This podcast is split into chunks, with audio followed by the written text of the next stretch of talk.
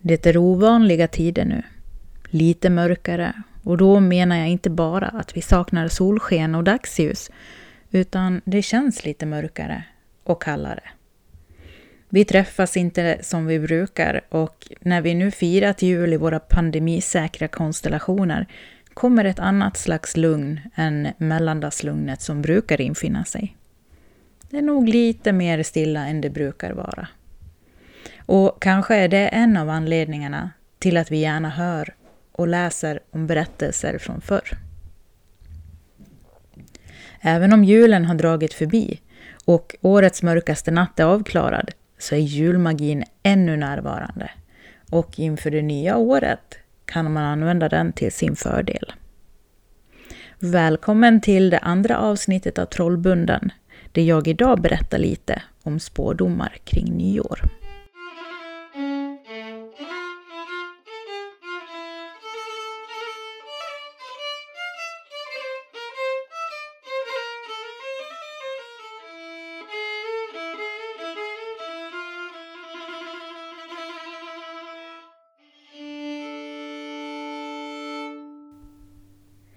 Vi är överösta med information, överallt och hela tiden. Allt ifrån nyheter och väderleksrapporter till prognoser om hur det mesta ska utveckla sig. Men det fanns en tid när vi inte hade ett konstant informationsflöde, samtidigt som man ofta levde av landet. Man var helt enkelt beroende av goda skördar, jaktlycka och att familjen höll sig frisk. Det var en otryggare tid och man sökte förklaringar till sånt som vi idag förklarar med hjälp av vetenskap. Sett i det ljuset är det ju inte så konstigt att man använde sig av olika spårdomskonster för att försöka ta reda på vad som skulle hända och hur saker skulle bli. Runt jul och nyår så var ju den andra världen, den övernaturliga, lite närmare oss och man kunde därmed ta reda på hur det kommande året skulle bli. När man pratar om folkliga spådomar så kan man se två tydliga riktningar. Det ena spåret handlar om att tyda tecken, händelser, syner och drömmar. Alltså sådana tecken som redan finns. Det andra spåret handlar om att framkalla de här spådomarna genom till exempel vaken, syner eller andra sätt att locka fram tecken på. Det är främst det här andra spåret, att locka fram spådomarna, som jag berättar om här idag. I vissa familjer smälter man på nyårsnatten tenn, eller som i Säfsen där man smälte bly och hällde i vatten. När blyet hade stelnat så plockade man upp biten och så skulle någon kunnig, klok person tolka den.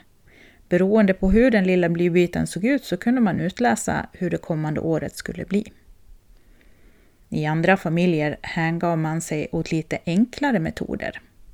Till exempel tänkte man sig att så som nyårsdagen var, så skulle resten av året bli. Det vill säga om man var glad och på bra humör så blev året gott.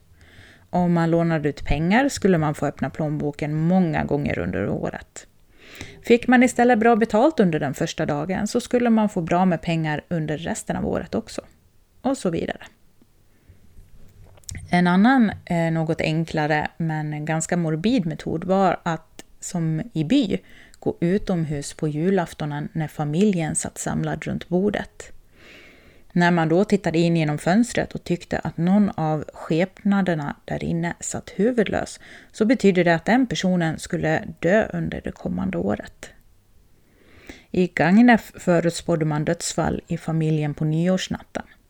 Strax före tolvslaget så skulle man fylla en bunke med mjöl och skaka bunken så att ytan blev helt slät.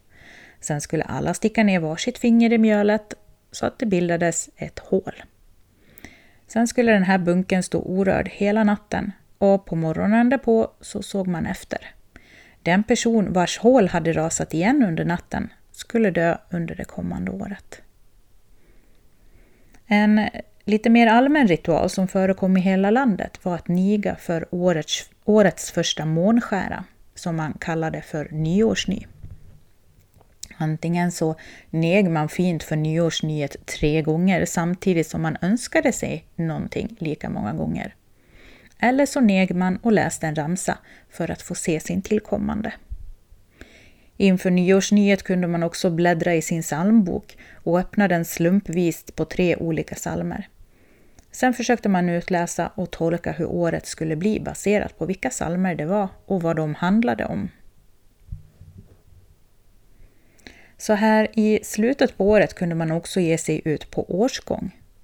Instruktionerna för årsgång skiljer sig en del från varandra men alla har samma grund.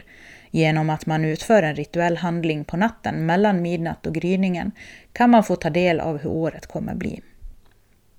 Enligt vissa ska man gå årsgång på julnatten och enligt andra går det bra några nätter senare, fram till nyår. Enligt vissa ska man besöka en kyrkogård och enligt andra ska det vara tre. Och vissa instruktioner talar om att man ska gå medsols, medsols runt kyrkan när man går årsgång. Llewellyn Lloyd har beskrivit tillvägagångssättet i en av sina böcker och jag väljer att berätta vad han skriver även om han inte har skrivit om just Dalarna. Enligt Llewellyn ska man förbereda sig väl innan man ger sig ut på årsgång. Man kan sitta ensam i en mörk källare i tre dagar eller åtminstone hålla sig undan på en höskulle under dagen innan man ger sig ut på årsgång. Man ska då vara tyst och fasta. Man får inte se eld under den här förberedande tiden och skulle det ändå hända att man får syn på eld behöver man själv slå eld med sten och flinta. Han förklarade att på det sättet så kommer det onda eh, som annars skulle möta en att avlägsnas. Man får inte berätta för någon att man ska ge sig ut på årsgång. Och när man väl gett sig iväg så får man inte heller vända sig om och se tillbaks. Man ska inte hälsa på någon man möter eller svara på frågor och man får inte heller bli rädd om man får se eller höra någonting ovanligt. Det vanligaste verkar ha varit att man går ensam, men man kan också gå flera stycken tillsammans. Är man tre stycken som årsvandrar så ska den som går i mitten ha med sig en bukett av nio särskilda blommor plockade på midsommarafton. Man ska gå till kyrkogården och sen till två eller tre gravar där. Och sen ska man tolka det man får se. Om man får se dödgrävare på kyrkogården och liktåg överallt så betyder det att en pest eller sjukdom är på väg. Om man hör liar som vässas och ser människor som bär kärvar från åken och öltunnor som förs fram på vägarna så blir det en rik skörd följande år. Ser man istället få personer på åken och tomma vagnar som dras fram så blir skörden klen. Om man hör yxor och ser väpnade män rida fram så betyder det att det blir krig. Och vill man veta om någon kommer dö så kan man knacka på dörrarna till de hus man passerar och fråga Håller någon på att dö här? Då kommer man höra rösten på personen som ska dö svara ja. Man kan också få se och höra mycket annat i och med att våra folktroväsen är i farten under den här tiden. Riktigt spännande blir det om man lyckas gå årsgång sju år i rad. För då kommer man det sista året få se en man till häst. Och mannen håller en runskrift mellan tänderna.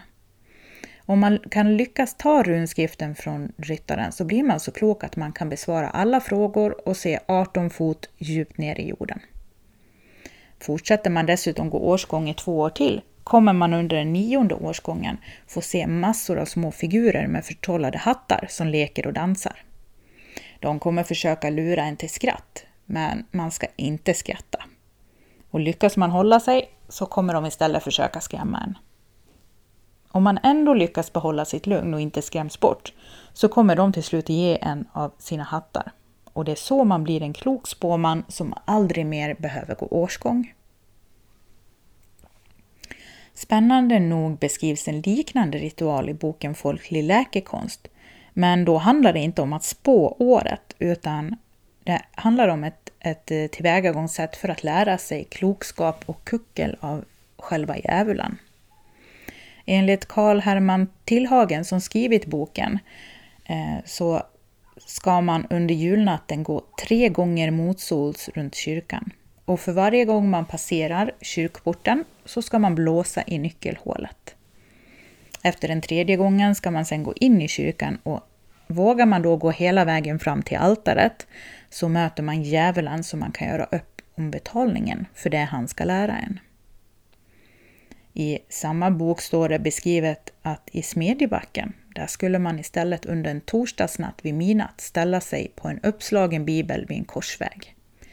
Hade man då med sig ett ben från en död så skulle man säga så mycket som det här benet väger, så mycket ska min själ väga på domedagen. Då kommer djävulen också fram och man kan göra sina affärer med honom. Nu har jag avvikit lite från ämnet om spårdomar, men det här är också oerhört intressant tycker jag. Det här med våra kuckelgubbar och kloka gummor och hur de sades ha skaffat sig sina kunskaper. Kanske får bli ett eget avsnitt om det så småningom.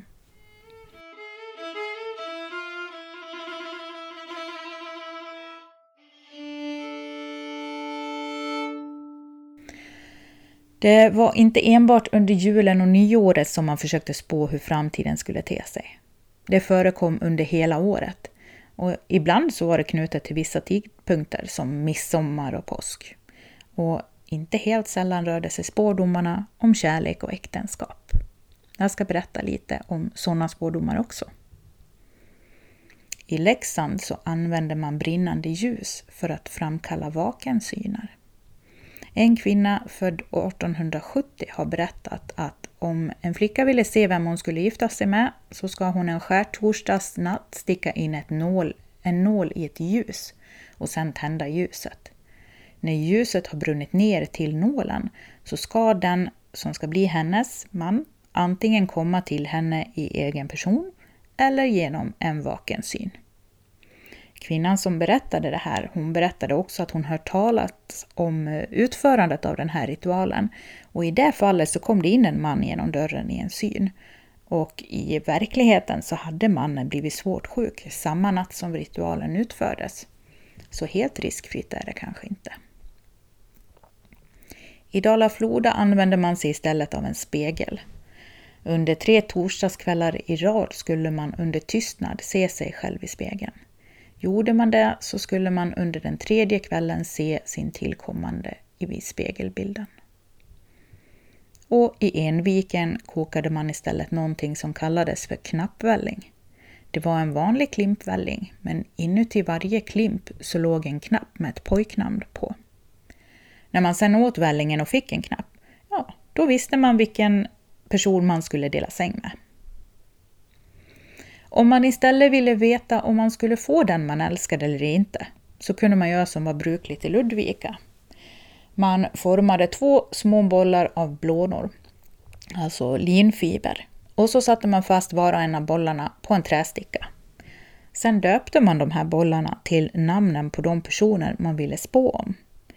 Och så la man dem en bit ifrån varandra framför elden i spisen och så tände man eld på dem om de for upp i skorstenen tillsammans så var det ett säkert tecken på att de två personerna skulle få varandra.